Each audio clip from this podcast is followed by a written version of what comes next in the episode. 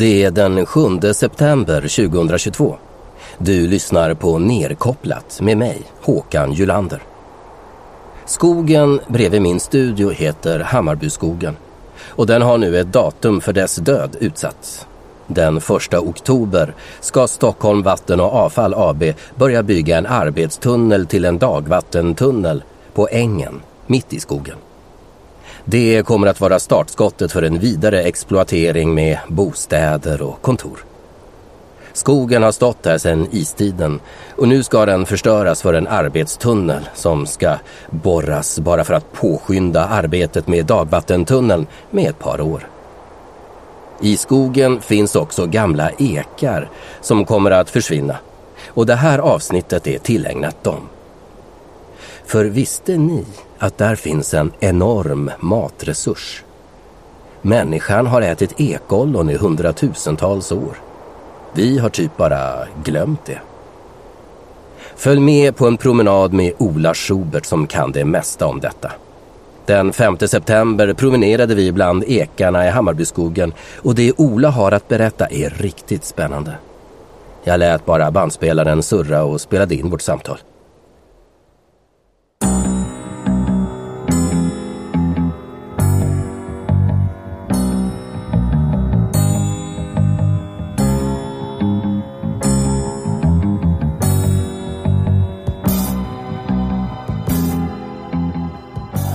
Ju att de, de här har ju ekollon. De här stora som är här. Så de här har, vilket är positivt, när de inte släpper så mycket innan september. Så betyder det att de eh, inte är så skadade. De är inte angripna av larver och så vidare. Så de flesta som släpps utifrån september och framåt i oktober, de är i gott skick oftast. Så här har vi då en, ett ekollon. Så. Och då vet jag att de här ekarna producerar ekollon och de kommer att släppa en del. Och det har jag sett ut med gångstigen här. Så då får man komma tillbaks lite då och då. Speciellt när det blåser. Eller har blåst efter höststormarna. Bra.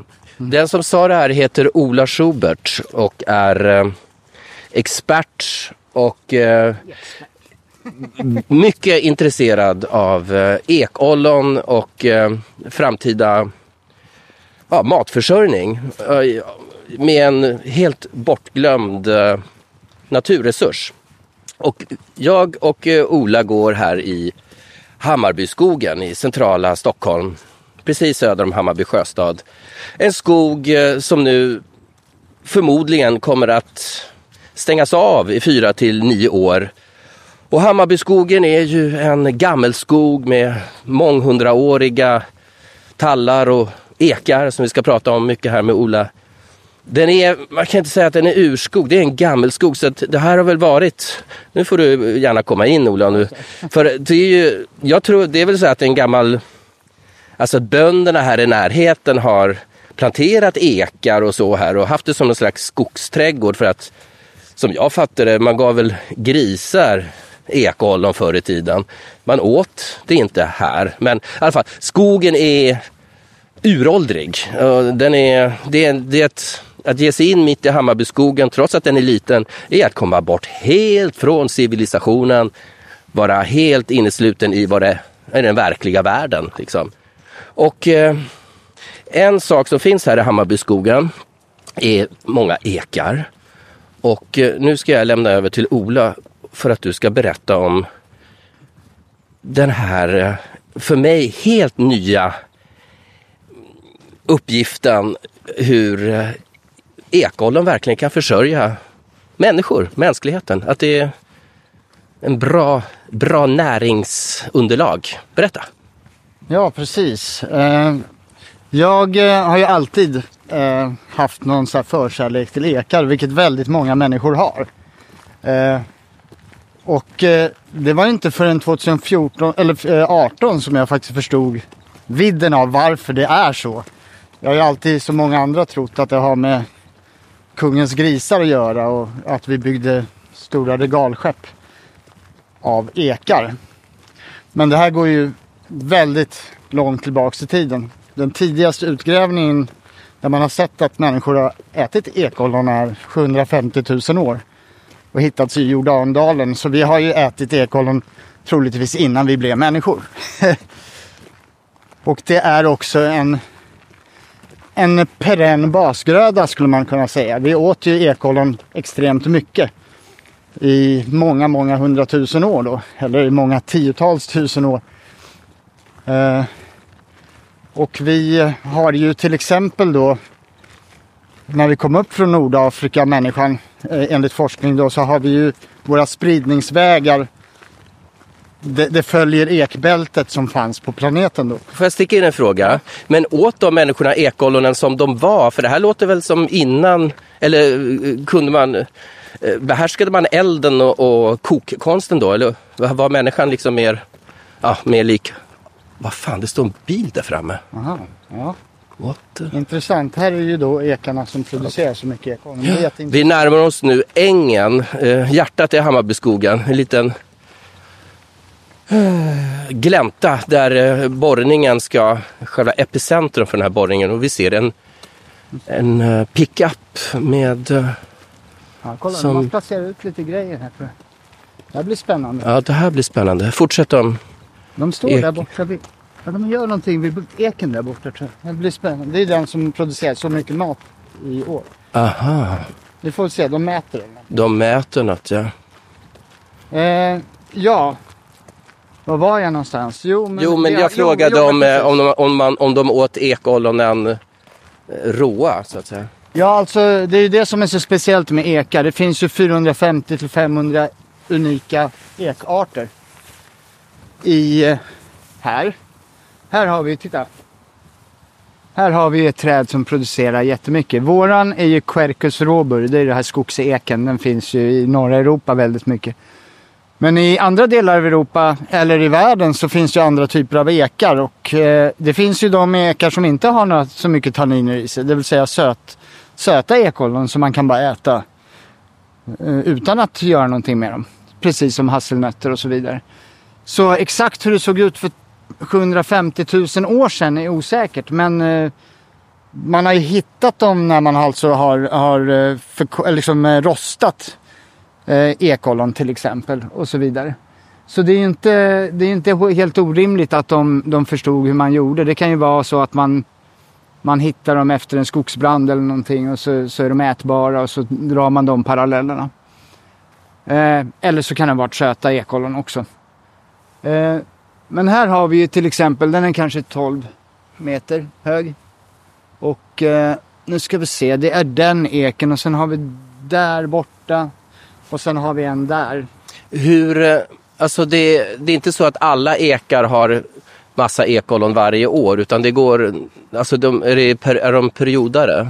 Ja, det är lite olika men det finns mastår ungefär och det kan ske mellan var fjärde år ungefär. Det är när de producerar i överflöd.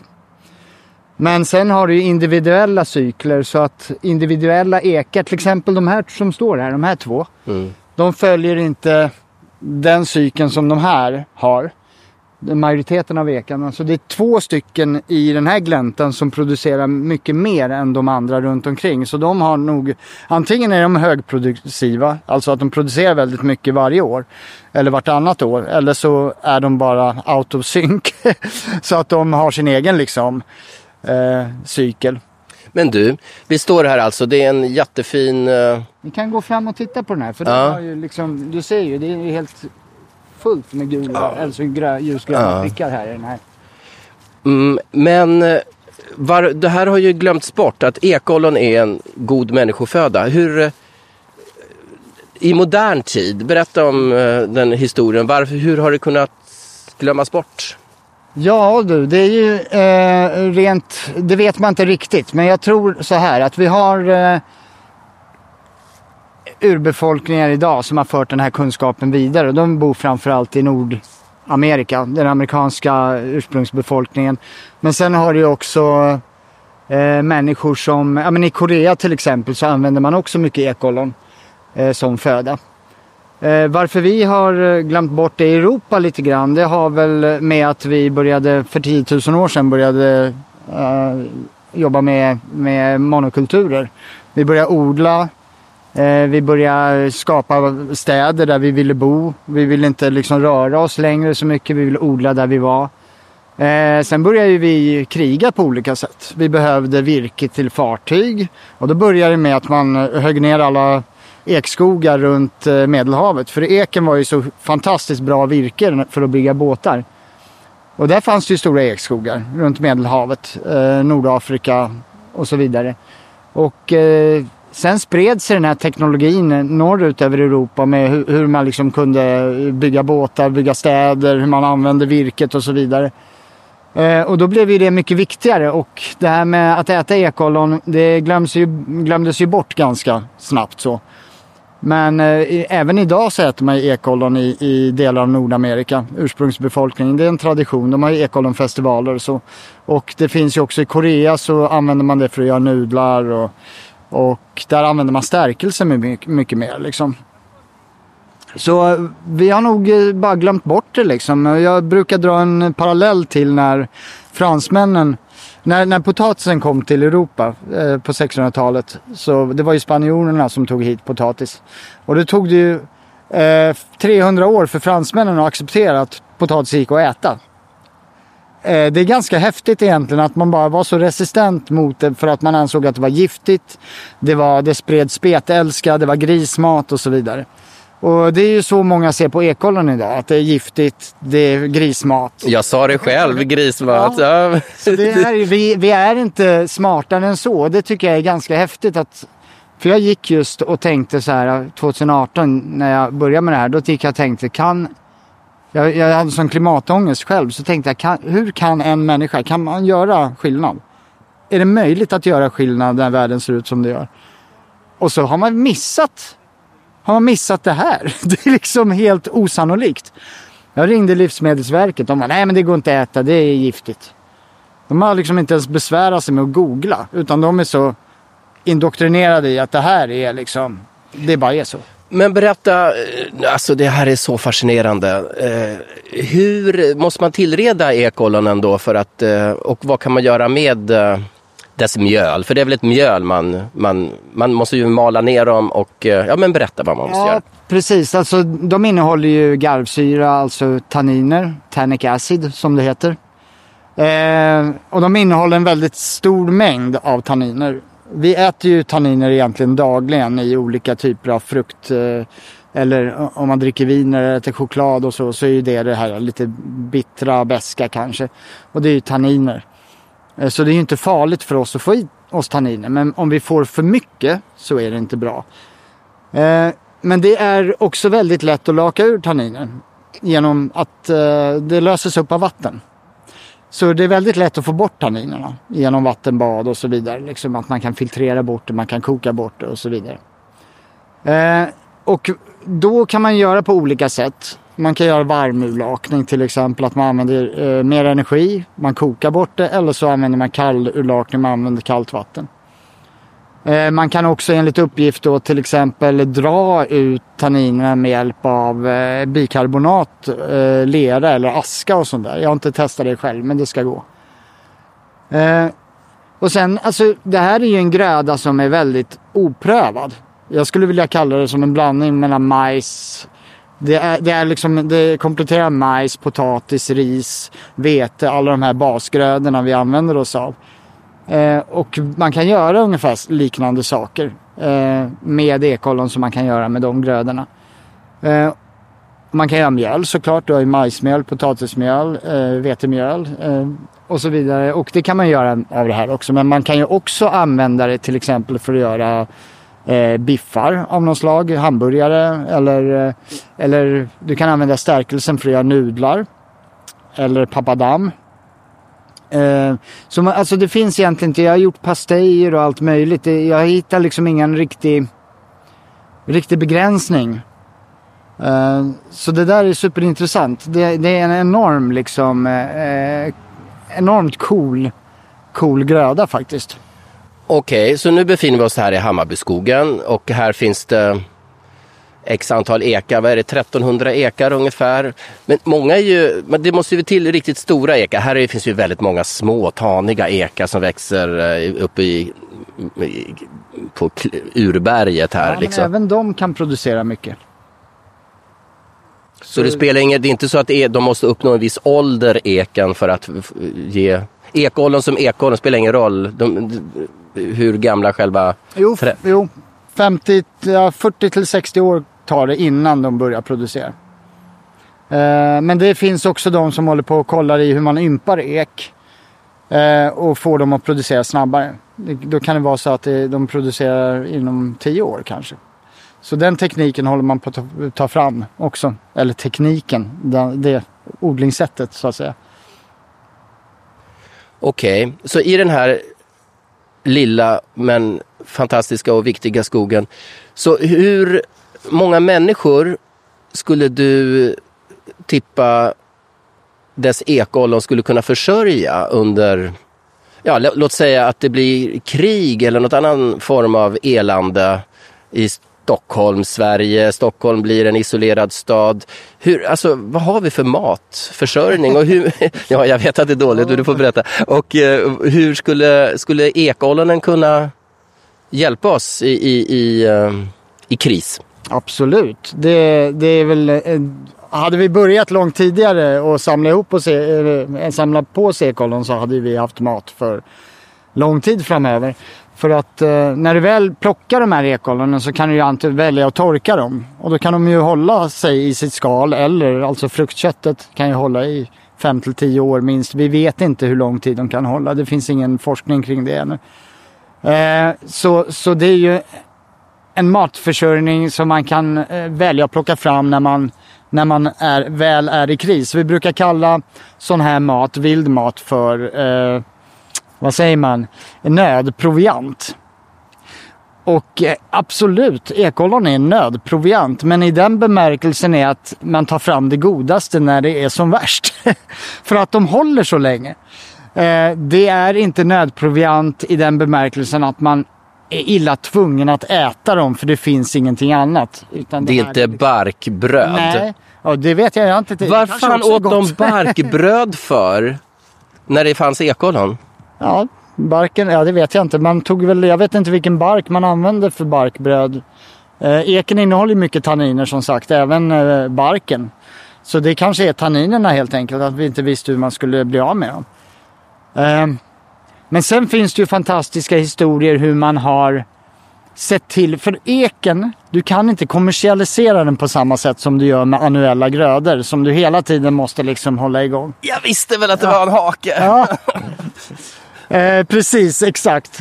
Eh, och det finns ett jätteroligt, eh, eh eller tragiskt också på det sättet, ett exempel kring 1800-talet, i slutet av 1800-talet. Det fanns en dryck i eh, södra Europa som hette Rakahaut des Arabs. Som var en form av näringsrik välling gjord på ekollon. Och eh, eh getmjölk eller ja, man använde det Eh, man använde det, det var sjuka som använde, man gav den till sjuka, spädbarn och så vidare.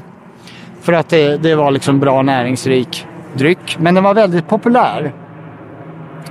Och den var så populär att när fransmännen helt plötsligt ville försöka ta över det här receptet så gick man ut och då var den, här, den franska, jag vet inte exakt vad de heter, men det är medicin, alltså det är ungefär som man skulle säga den Eh, hälsomyndigheten typ i Frankrike på 1800-talet. De eh, gick ut med att de hade då äkta receptet för Rakahautes arabs. Men de hade alltså ersatt ekollon med någonting annat som just då började bli väldigt kommersiellt och som man skulle kunna sälja på, på bred front. Vi, kan du gissa vad det var för något? Jag gissar på kakao! Yes, exakt! Och det finns ju olika i tankar kring att ja, men man använder det i Mexiko som en chokladdryck och så vidare. Men Racahautes arabs ersattes med kakao för ekollon. Vilket då betydde att eh, man drev det här stenhårt. Så efter 20 år, alltså i början av 1900-talet, så trodde folk att, eh, att ekollon var bara substitutet för kakao och inte tvärtom. För du kunde inte sälja in ekollon utan man sålde in kakao på apoteken och så vidare. Så det blev en hälsodryck och idag är det mer känt som varm choklad här i, i Sverige också. Eh, så det är, det är jävligt häftigt faktiskt hur, det, hur man helt enkelt har, har gjort det här oattraktivt eftersom det är gratis.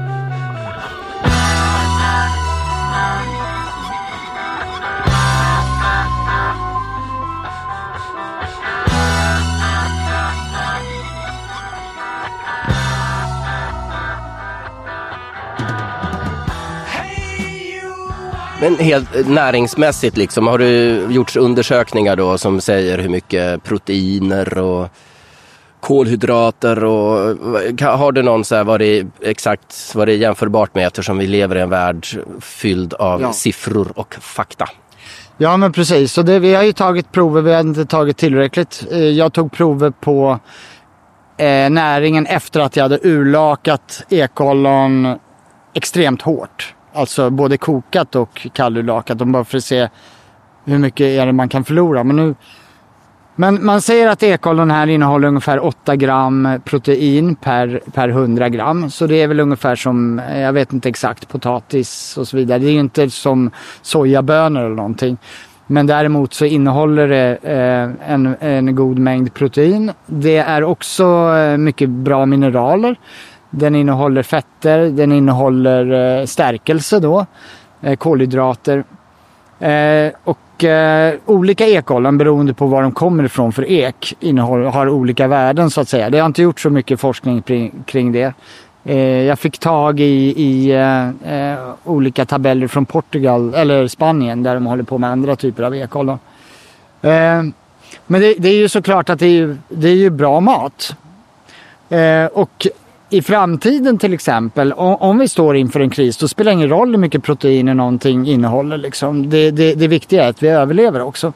Eh, sen kan man ju ladda, till exempel gör en burgare av ekollon så kan du ju stoppa in saker i, i liksom själva färsen som, som lyfter upp också. Eh, du kan ju blanda ut eh, om, om man vill ha, om man inte är Man kan vegan. blanda kött igen. Ja men exakt.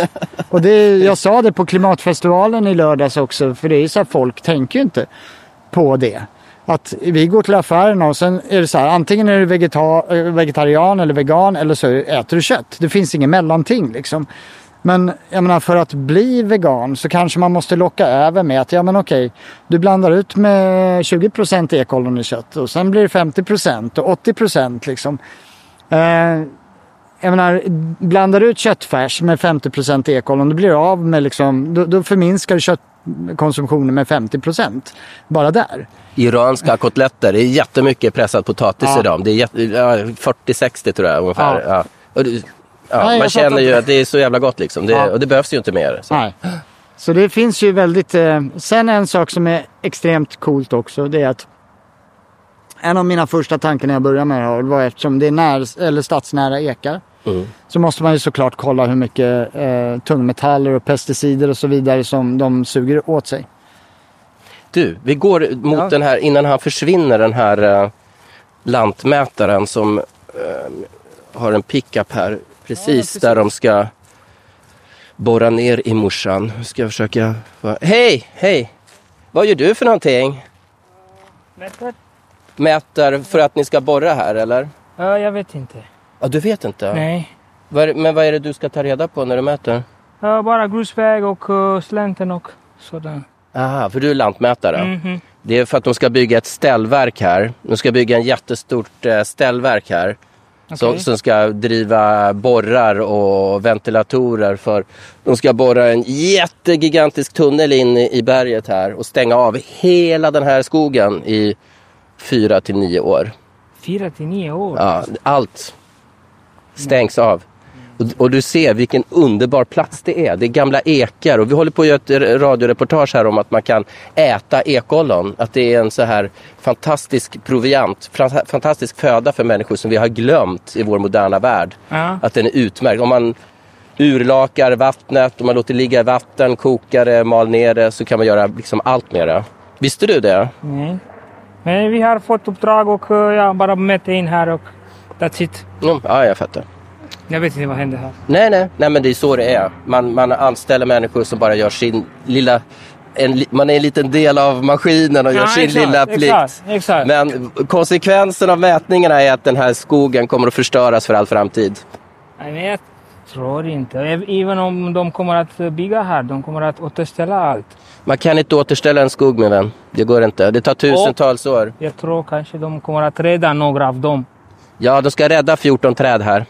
Bara 14 tror jag inte. Och det, men de ska förstöra en skog, de ska spara några träd. Sen planterar de någonting nytt här. Men det är...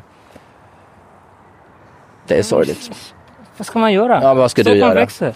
Ja. Förlåt. Stockholm växer. Vad ska man göra? Ja, säga nej. Säga Det nej. är Säga synd om den eh, skogen, men... ah. Det är inte jag som beslutar vad som kommer att uh, hända här. Tack för att du, vi fick prata med dig. Nej. Vad heter du för någonting? Christian? Christian. Christian. Mm, tack. Det stod Veidekke på Christians uh, uh, orangea overall. Veidekke, det är ett av de här bolagen som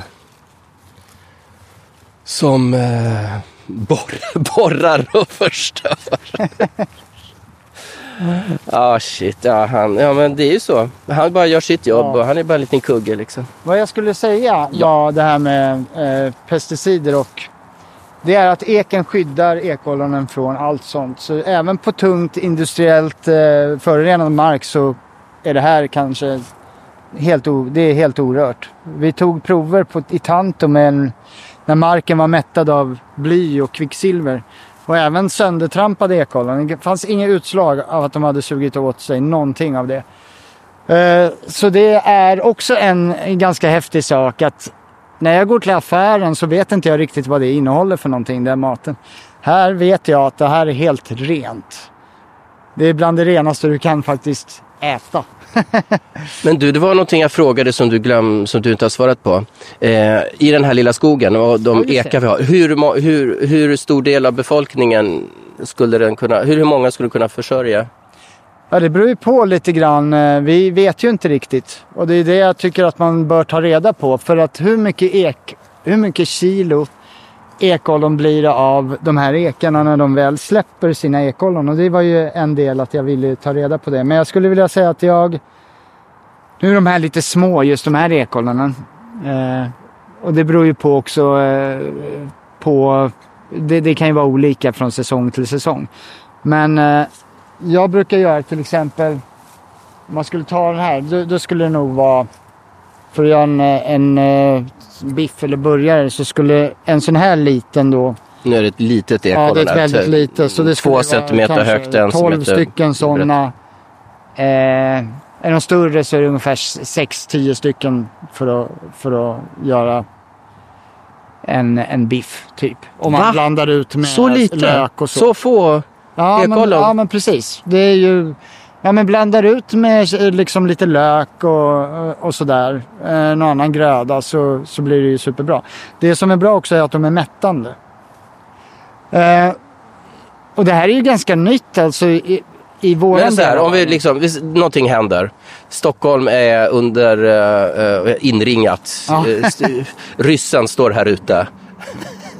Ja precis. Ja, och, och vi, och, men vi har lärt oss. Skogen står kvar, ekarna står kvar. Vi vet att vi kan, vi kan överleva på ekoll. Alltså skulle det kunna försörja Stockholms befolkning med de ekar vi har i stan? Eh, Det tror jag inte, inte hela Stockholms befolkning. Däremot så tror jag att, eh, jag vet inte hur mycket ek vi har, vi har väldigt mycket ek.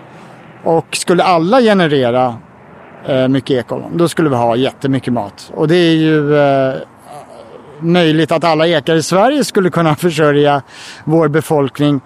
Eh, men det är inte heller det som är intressant, utan ekollon är ju en, en ny gröda som kommer att avlasta vår nuvarande konsumtion.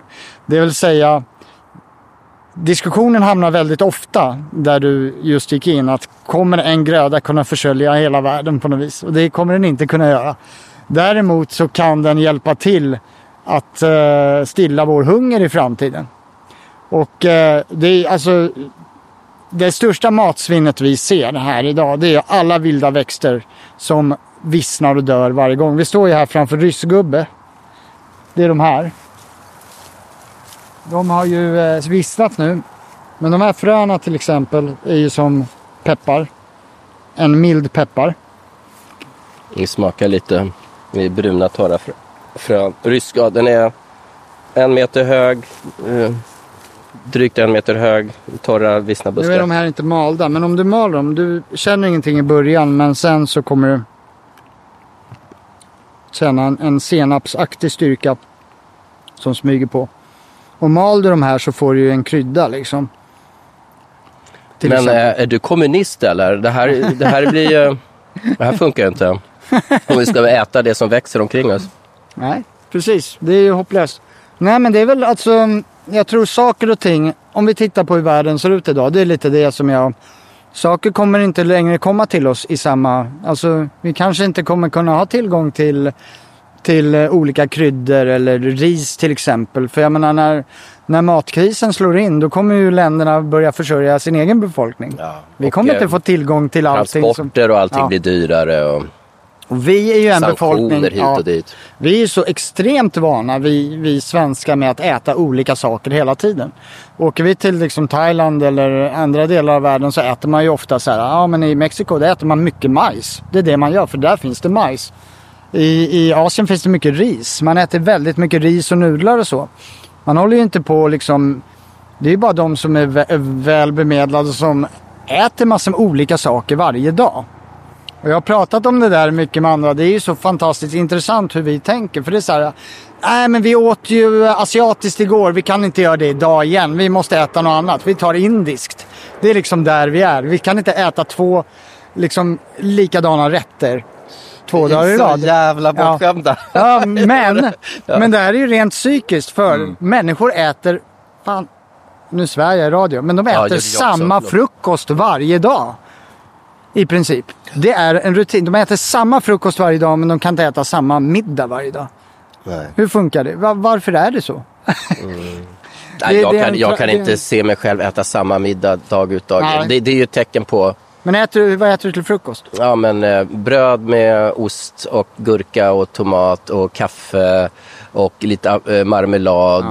Eh, i, I perioder havregrynsgröt och eh, ibland yoghurt med Ja. müsli. Alltså, Men det jag- brukar men, vara men, liksom mest är det liknande. liksom Ja. rostat så här, Ja. levain. ro- Eller hembakt. Ja. Men, Men varför levain. äter man inte olika frukost varje dag? Uh, nej, man orkar ju inte. man Nej, bara det- går, på, man går på automatik där på morgonen. Ja just det, det är Jo. bara middagen som är det. Ja, nej men det är sant. Men, ja. Nej men det Nej, Nej, men, det är ja. jättekonstigt. Ja men det är konstigt, absolut. Jo, men och det är ju den, det är den eh, möjligheten vi kommer få begränsad i framtiden, tror jag, med, med matsäker, eller matbrist. Men det här, är ju, det här är ju bara någon generation vi har levt så här. Det är ju sedan Ja, ja. EU, det är ju sedan 90-talet. Jag menar, jag kommer ihåg min barndom. Det var ju, bara, det var ju blodpudding mest varenda dag. Ja, ja. Jo, men så var det. Absolut. Men det, är- Och det snabbt att vänja sig vid saker och ting och helt plötsligt så blir det en självklarhet. Och det är ju verkligen... Här har vi fläder också. Det är också en...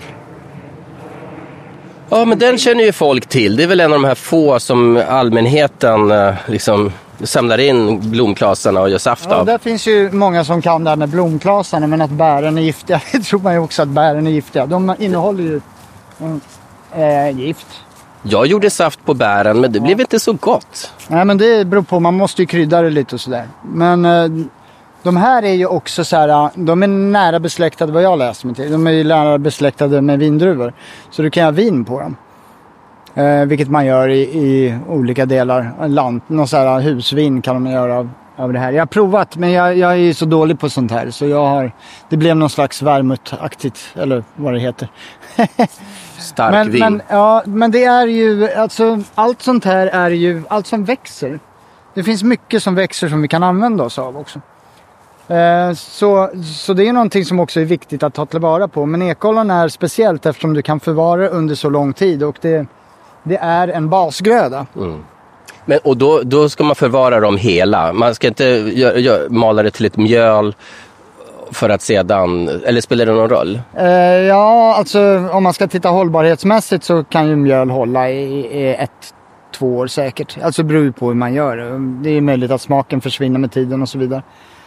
Eh, men vill du ha långtidsförvaring, vilket jag tror skulle vara fantastiskt i Stockholm eh, för en framtida matsäkerhet, så ska man ju liksom samla på sig och sen ska man ju förvara den någonstans. För att för det är ju alltså det är ju någonstans, allting kokar ner. Det är som han sa här, ja men Stockholm växer. Vad ska vi göra? Eh, ja men allting som vi gör här, det, är, det kostar pengar, det kräver underhåll. Eh, det går inte att äta en tunnel.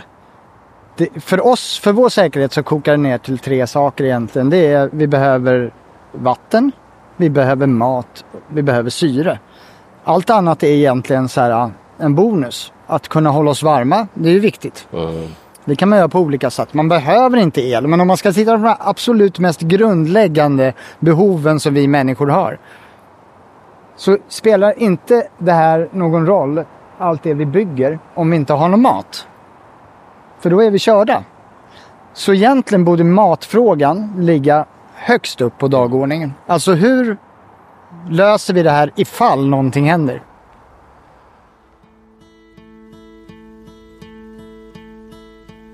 Well, John,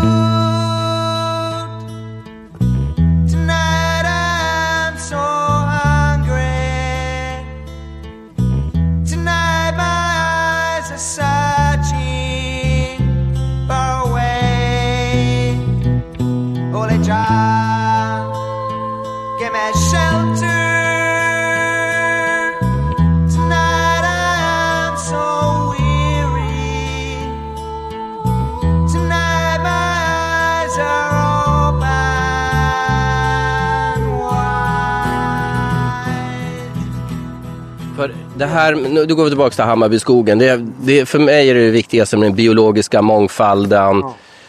Att, att för, för djurens skull, för att det är en eh, passage här mellan Nackareservatet och, och um, Årstaskogen, de två naturreservaten, att det är en, eh, vad säger man nu, det är, det är en eh, allfarväg, det är en passage för, för djur och växter. Och, och, och att det gör livet värt att leva för att det är så jävla skönt att kunna, nu svär jag, förlåt, men att man, att man ska kan tanka natur som eh, modern människa. Hur otroligt viktigt det är för oss för att eh, vi inte bli, mer, för inte bli galnare. För att vi, mänskligheten är ju galen idag på liksom alla sätt. Um, Ja, det är det som jag, jag tänkte på det när jag gick hit. Vi eh, pratade ju det här, eh, jag såg ju eh, Miljöpartiet igår i tv och man pratar om det här med, är ni emot evig, e, e, eh, evig tillväxt eller ekonomisk tillväxt? De sluddrar in sig i någonting och så ser man ju så här. Våran typ av tillväxt är ju eh, helt galen egentligen. För vi kommer inte uppnå det. Det vi ser runt omkring oss och det vi vill hugga ner det är ju det bästa exemplet på evig tillväxt. Vi behöver inte lägga en krona på att det här ska växa upp. Ingen energi överhuvudtaget. Det levererar jättemycket. Det skapar liv. Det är ett system som vi suktar efter att skapa själva. Men vi gör det på ett helt fel sätt. Och istället hugger vi ner den, den här fantastiska organismen som just visar på hur man ska gå till. Eller hur det ska gå till. Och sen så, så liksom så försöker vi få till evig tillväxt själva liksom. Eh, och det kommer ju inte ske för att här ser vi ju själva liksom. Det, det som växer här omkring oss. Det, det, vi är en del i det men vi vill stå utanför det. Och det är ju det, det är helt befängt när så försöka försvara liksom att vi kan skapa det här. vi tror vi är viktigare än naturen. Vi tror inte vi är en del av naturen. Nej. Vi har, vi, vi, vi har blivit tokiga. Ja men det är ju det vi kallar för den så här separationen.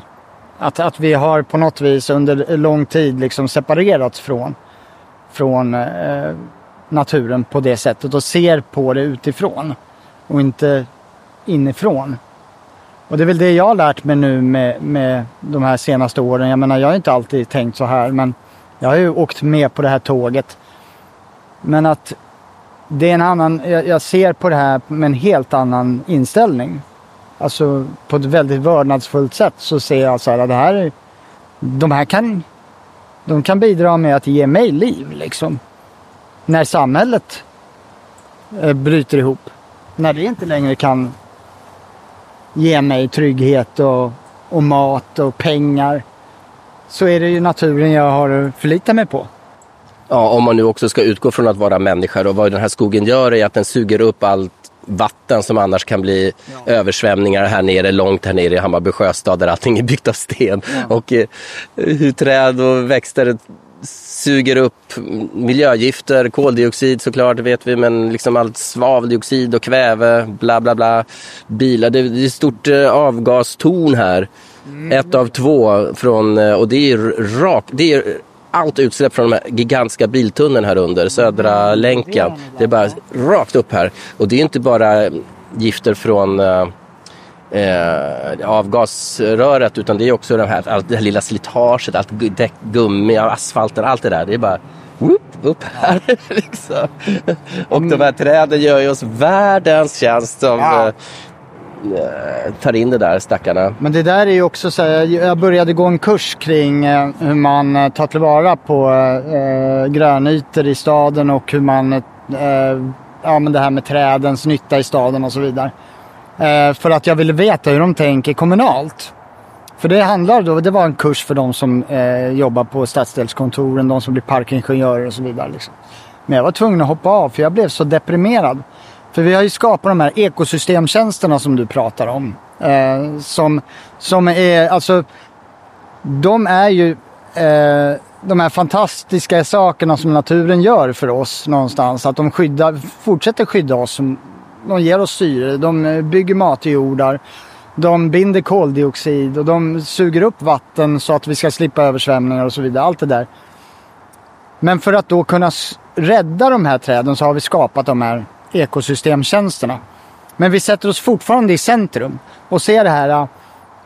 Hur mycket kan det här trädet ge oss människor? Hur mycket värt är det i pengar? Vad skulle det kosta om vi människor gjorde samma jobb som det här trädet gjorde? Och så gör man, lägger man en värdering på det. Och då kan man då värdera Hammarbyskogen på samma sätt. Hur mycket värde har de här träden i att suga upp vatten och så vidare. Ja, det är så galet. Och sen så sätter man ett värde och så finns det ett, ett program där man kan då göra ett, en överslagsräkning som kom från USA. Så, här. så jag provade att göra en överslagsräkning på Hammarbyskogen. Liksom. Men vad har den här för ekotjänst eller vad har den för värde liksom i att, att binda koldioxid till exempel eller suga upp vatten och så vidare. Fick jag så här per år 300 000 eller någonting på det hela det här området. Och jag blev så här, men det här är ju helt sjukt. Det finns inte en suck i hela liksom, universum att det här 300 000 per år skulle kunna rädda den här skogen emot skövling för bostadsrätter och kontor och allting. Värdet i det i mänskligt perspektiv är ju mycket större. Så, så hela den grejen är ju på något vis en illusion att försöka hävda ekosystemtjänster. Och det du säger är ju extremt viktigt. Det är ju därför vi behöver de här träden.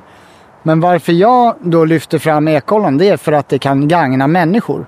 Och på det sättet så kanske vi kan få en annan diskussion kring, eftersom vi är så självcentrerade, att det är viktigt för oss att ekollon kan rädda liv i framtiden. Och ett människoliv är mycket mer värt än all den här skogen tillsammans i, i, i, våran, liksom, i våra, mänskliga, våra mänskliga världsuppfattning någonstans.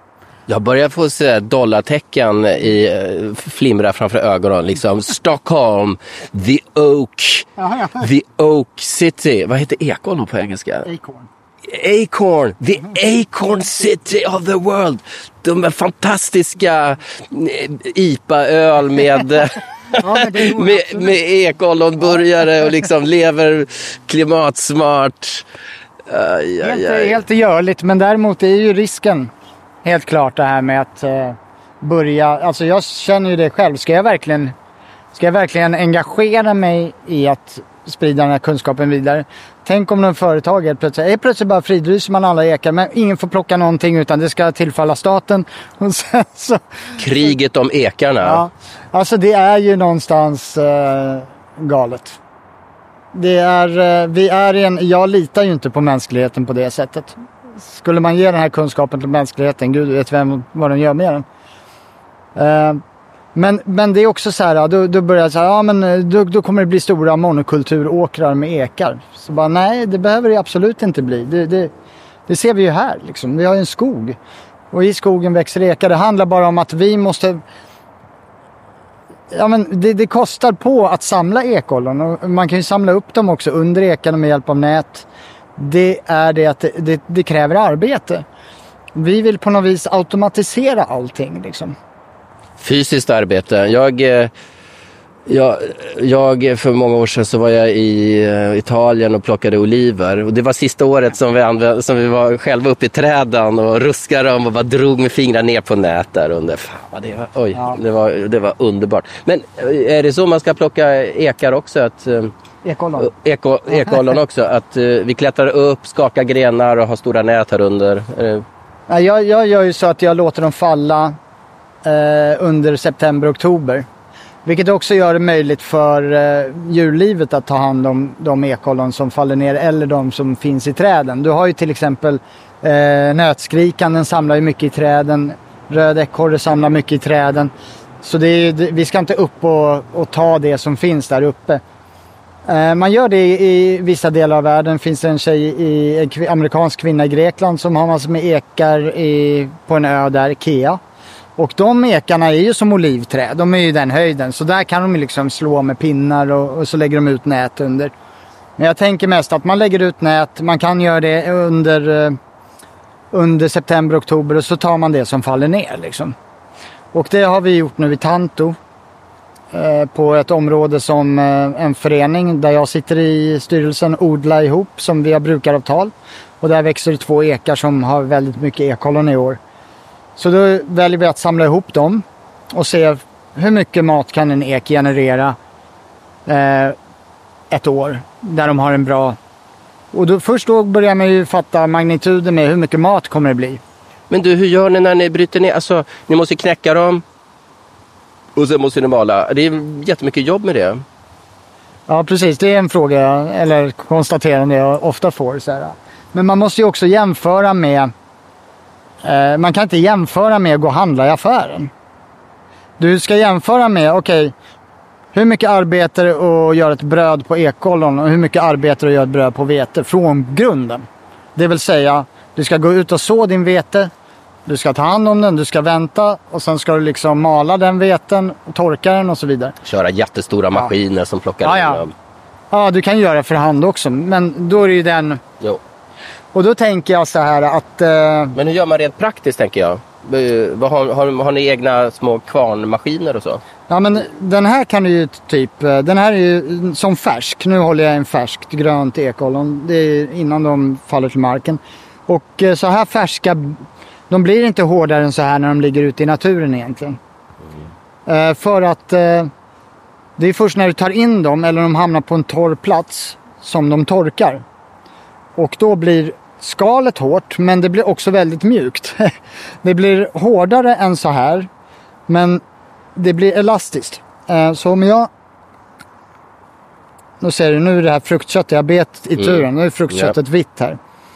När du torkar det då kommer det här fruktköttet bli stenhårt. Alltså det blir packat, det är packat med tanniner som skyddar det här köttet från angrepp. Eh, det är därför det kan hålla så länge också. Och skalet är också skyddande men själva, även om du plockar loss själva köttet och lägger i en burk då håller det väldigt länge på grund av tanninhalten. Eh, när den är så här färsk och mjuk, själva fruktköttet, då kan du mala det i mandelkvarn till exempel, en köksbredare eller någonting. Och så mal du ner det.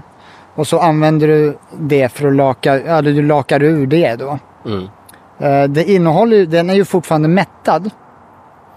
Eh, så vad jag kommer fram till nu är att om du mal det här, eh, torkar det och sen så lägger du det i vatten. Då har vätskan försvunnit ut Och sen kommer en ny vätska in vilket gör det lättare, går snabbare att laka ur tanninerna då. För är den fortfarande mättad, då kommer vattnet inte in i köttet på samma sätt. Om det inte är extremt tunt skivat liksom. Eh, Så, så allting handlar om att bli av med själva tanninerna i den här. Men sen om de torkar då, då krymper ju fruktköttet ihop och stelnar. Blir jättehårt. Eh, och då blir ju ekollon mycket lättare att skala med en kvarn eller med en sten eller någonting. Eh, för det första mosar du inte innan dömet. Och för det andra så bildas det, det krymper ju, så det bildas ju luft mellan skalet och själva. Så du kan knäcka det med händerna också. Det är ju inte som hasselnötter som du inte får upp liksom. Du behöver ingen nötknäppare egentligen utan de är ganska elastiska, mjuka. Du skulle kunna bara... Men jag tänker mig, alltså i större skala då, Ja. om man tänker eh, lite industriellt men, Ja. inte, men ändå analogt. Så är det så stenkvarnar helt enkelt. eh, Som, Alltså jag, jag gillar ju att tänka manuellt eftersom Ja. jag tänker, eh, har jag inte ström, men jag tänker mig oxar som går runt ett hjul och driver Ja, ja, nej, men man kan göra det med, med vanliga kvarnstenar och så vidare också. Jag har ju hemma en... eh, Alltså om vi går långt tillbaka i tiden så mortlade man ju. Man hade eh, mortelhål i bergen. Hål i bergen som man mortlade liksom ekollonen. Här i, i, som jag gör nu, det är att jag, jag tar just fruktköttet, sen så maler jag det i mandelkvarn. Om det har torkat, då kan jag lägga dem i vatten. Och eh, då blir de mättade med vatten efter ett tag, några dagar. Då blir de mjuka så jag kan mala dem. Men eh, jag har ju köpt en, en eh, kvarn för att skala själva skalen. En handvevad kvarn från USA som skalar alla möjliga nötter. Och det funkar också med ekollon. Men ska man tänka industriellt så finns det ju maskiner som gör sånt här också. I Kina finns det ju till exempel, man kan köpa just ekollonskalare som separerar skalen och själva nötterna. Så i Kina så använder man ekollon? Ja, det, det gör man eh, till viss del. Man använder det väldigt mycket i Korea. Eh, där använder man det däremot ofta som att man köper ekollon på marknaden och sen så går man hem och, och gör det här själv. Men det finns, en, eh, det finns absolut en, en business där. Eh, den här kvinnan i, på KIA i Grekland, hon har köpt in en maskin. Hon gör det mer kommersiellt. Hon säljer mjöl i Europa, kakor och så vidare. Så hon är väl den som eh, har kommit längst i själva kommersialiserandet av. Men hon äger också egna ekar. Eh, men det är såklart ett jobb. Men det är också en... Eh, det är ju ett sätt att... Eh, vi är ju pionjärer på något vis idag. Eh, vi som håller på med ekar och ekollon. Eh, och eh, i framtiden så, alltså jag, jag kan ju liksom inte tänka mig att vi inte skulle kunna hitta bra system för att ta vara på den här eh, och dela med sig till naturen. Och även plantera flera ekar. Men du är orolig för att eh, när mänskligheten som du, som du formulerade det får nys om det här att det blir industrialiserat och vi, vi vanliga människor får inte tillgång till ekarna i allmänningarna som den här skogen är och att det blir en, eh, en eh, kapitalistisk apparat kring det hela. Har jag förstått det rätt? Jag skulle inte förvåna mig om det skulle kunna bli så. Speciellt om vi får en matbrist. Jag ser ju framför mig däremot att, att hur det här skulle kunna funka det är att man skapar eh, mikrokvarnar i olika delar av samhället. Eka växer ju från norra Dalälven ner till Skåne, södra Skåne. Och vi har ju ganska mycket ekskog kvar. Men vi har väldigt lite i förhållande till vad vi hade. Men den kan försörja oss med mat. Och det sättet man gör det på, nu är det ju väldigt få markägare, alltså 300 000 markägare som typ äger eh, större delen av vår skog i Sverige. Så, så när man pratar matsuveränitet och så vidare, jag menar, har vi ens tillgång till mark? Om en markägare då säger nej du får inte plocka från mina ekar, då får man inte plocka från ekarna. och då hamnar vi där igen, är det skottpengar på oss då som går och plockar från ekarna i slutet? Eh, det är ju det som jag tycker är läskigt, att, att äganderätten. Jag, jag tycker att man ska fridlysa alla ekar som man gjorde en gång i tiden. Till att börja med, bara rakt av. Idag. Man ska inte få hugga ner en enda ek. För varje potentiell ek som kan ge ekollon ger oss en matsäkerhet, bidrar till matsäkerheten. Varför de här ekarna i Hammarbyskogen är så otroligt. Det är 1300 ekar kanske. Vi vet inte idag hur mycket mat de här kan generera. Och hur mycket de kan bidra till vår framtida matsäkerhet. Och det är därför det är så viktigt att de inte huggs ner bara. Eh, på grund av att vi inte känner till vikten av det här. För jag kan ju också känna mig, ja men gud, det här känns ju helt knäppt. Här står jag och pratar om att man kan äta ekollon och jag kan tänka mig så här, jag kan inte se en politiker som kan ta ordet ekollon i munnen utan att känna att de framstår som idiotiska. För vi är där, det är där vi är idag. Eh, fast det är egentligen så fruktansvärt självklart. Du, innan vi avslutar det här. Du har berättat för mig att du förbereder en ekollonfestival och den ska ske här. Eventuellt. Vi, vi, vi, vi lägger ut det nu så får vi se vad som händer. Jag hoppas på ett enormt gensvar från Nerkopplats lyssnare. Här i Ängen i centrala Stockholm, eh, centrala södra Stockholm, Hammarby, söder om stan. Berätta, hur har du tänkt det? Ja, men jag tänker så här att här växer ju ekar. Det finns ekollon och jag tycker att det är viktigt att människor förstår vad man kan äta. Och vad det kan bli för någonting av de här, som vi ser det, helt poänglösa små frukterna som hänger där. Eh, så, så min plan är att vi ska försöka innan oktober i alla fall, början. Det är då de ska spärra av. Att vi har en, liksom en, en sammankomst där, där jag visar på hur det går till. Och där vi eh, lagar mat och eh, där man kan bjuda in eh, politiker och tjänstemän, eh, media för att visa på det är den här maten vi har. Och den är den kommer från de här ekarna bland annat. Eh, och att vi kan visa på hur viktigt det är rent fysiskt. Att, att man kan känna, se och smaka. Ja, det är ju suveränt. Vad, vad, vad har du tänkt dig för mat, mm, mat då? Ja, men det enklaste är väl att göra någon slags eh, hamburgare. Eh, så kan man göra också världens äldsta bröd, ett av dem i alla fall. Och det är rent ekolonknäcke. Det är speciellt liksom. Eh, sen kan man ju visa på vad mer man kan göra. Faktiskt. Jag tycker att eh, det är så otroligt kul att följa ekens historia. Det är ju alltså ett träd som är ungefär 56 miljoner år gammalt. Eh, och det växer alltså över hela vårt tempererade bälte i världen. Alltså det växer ek från Nordafrika till norra Dalälven. Det växer ifrån liksom Stockholm eh, till, eh, till eh, England, till USA, till Japan, Asien. Alltså över hela det bältet så växer det ek. Och alla ekollon går att äta och eh, det är så mycket mat som växer på träd och det är alltså det är vår enda perenna gröda alltså. Det är basgröda som växer på träd. Det, det, det är ultimat när vi pratar klimat, i klimatsammanhang. Eh, man kan alltså bibehålla skogen och få en basgröda.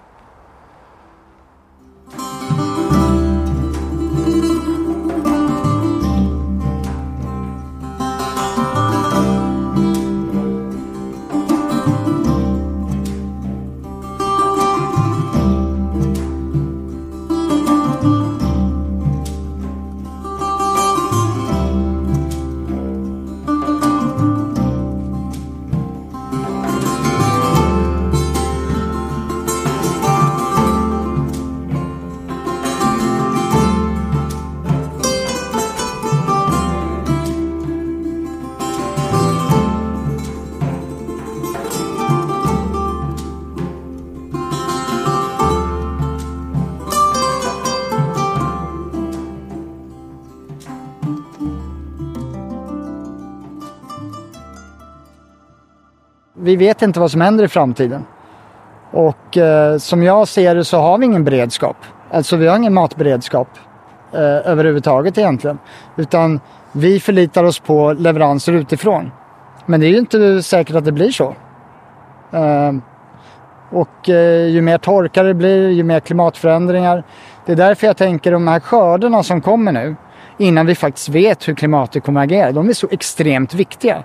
För det här, det vi skördar i år, det kommer vi kunna äta i flera år framöver.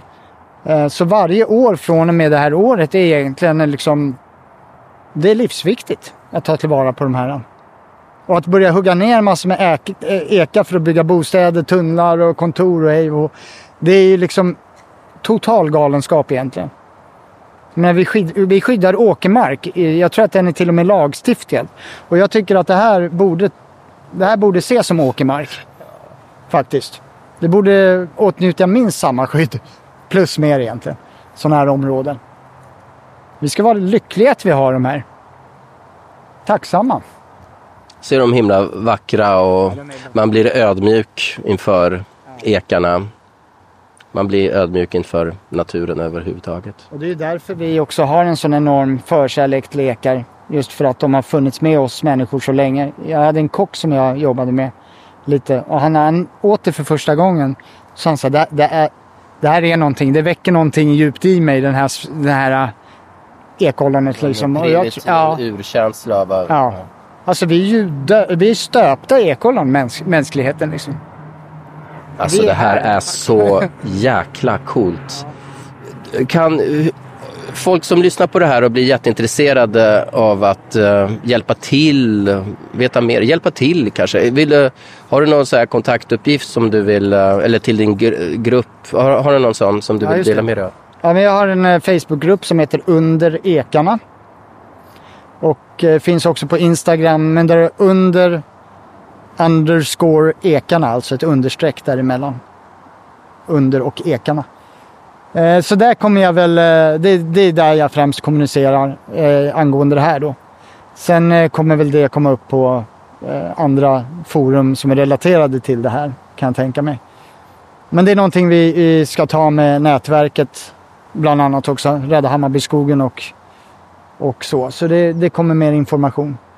Men, eh, ja, men vi, det är en ödesfråga skulle jag vilja säga. Faktiskt. Vi avslutar där. Tack så hemskt mycket Ola. Jag antar att ni som lyssnar på det här får, eh, är lika... Ja, vad ska man säga? Man blir alldeles eh, glad och eh, får lite hopp om eh, att, att det finns så mycket skatter omkring oss som vi inte tar vara på. Och dessutom är, är gott, om man får tro dig. Och, Ja, men verkligen. ja, Och en sak till är ju faktiskt här, det som är så viktigt att förstå det är att om en person kan hitta en sån här sak som, och upptäcka den på nytt. Så tänker jag så här, hur mycket har mänskligheten missat? Hur mycket lösningar finns det här ute som vi inte ens har berört? För vi har varit så fokuserade på vår tekniska utveckling och framtiden. Och hur mycket har vi slängt på sophögen som kan rädda oss idag? Det är ju superintressant. Verkligen. Så nu står vi här på ängen i Hammarbyskogens hjärta och blickar ut över Lejonberget. En liten bergknalle bakom ekarna här där de snart ska sätta igång med ett gigantiskt borrande. De ska bygga en arbetstunnel som, som från vad jag förstår absolut inte behövs. Men det är, det är bara en eh, förevändning för att eh, e-, e-, ett, eh, exploatera den här eh, skogen som ligger på så dyrbar mark mellan Hammarby skog, Hammarbyhöjdens eh, gamla funkisförort och eh, Stockholm city med Hammarby sjöstad. Eh, det är en, egentligen vore, är det ju hopplöst att tro att man ska kunna bygga något här för det är så brant, branta stup och, och det måste, men eh, det är bara att borra bort bygga svindyra lägenheter och sushibarer och mäklarbyråer och gator och eh, elbilsladduttag och eh, förstöra den här miljön som, som, som, som är livet. Det är ju det som är liv. Det här, det är det här som är liv liksom.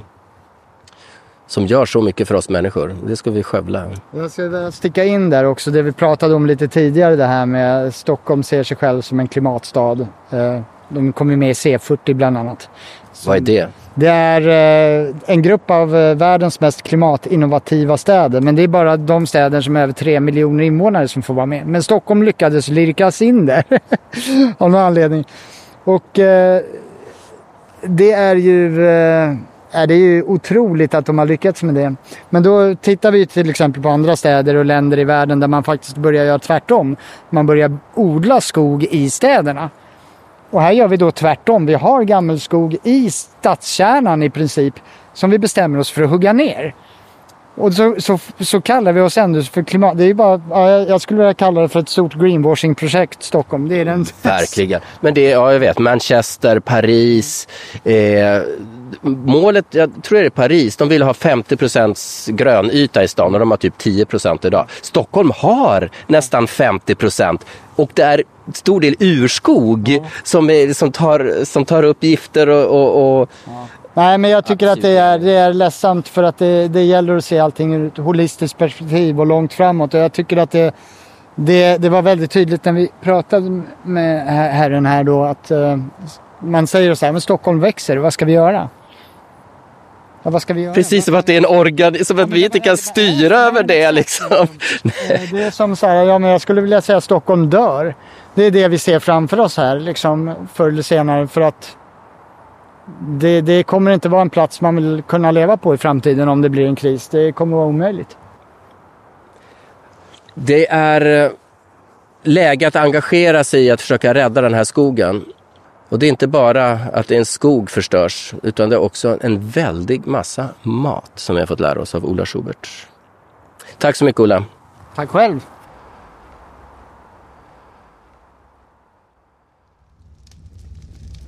Du har lyssnat på Nerkopplat. En analog aspiration i en digital dasstunna. Och innan jag berättar vilken musik som spelas måste jag bara säga att du är bjuden på Ekollonfest. Lördag den 24 september finns Ola Schubert på ängen i Hammarbyskogen och där äter vi mat, gjord på Ekollon. Ta med dryck och varma kläder. Det vore så roligt att träffa er. Sen kan vi dra vidare någon annanstans och göra stan farlig. Jag har inte riktigt börjat förstå mig på Telegram än som skulle vara Nerkopplats kanal. Men om ni kan komma, skriv till nerkopplat at protonmail.com så ska jag berätta tid och plats lite närmare. Och så har jag era kontaktuppgifter om det skulle bli inställt. Ni är så välkomna. Musiken var Cogwheels, Crutches and Cyanide av Spyro Gyra. Pigs Three Different Ones av Pink Floyd och Le Pas de l'eau, Chesme, med Konstantinopel och Ablai Sissoko. Programmet är ljudlagt och mastrat av Jon Johansson. Nerkopplat är en del av Folkets Radio. Stöd gärna Nerkopplat med en pengagåva på Swish.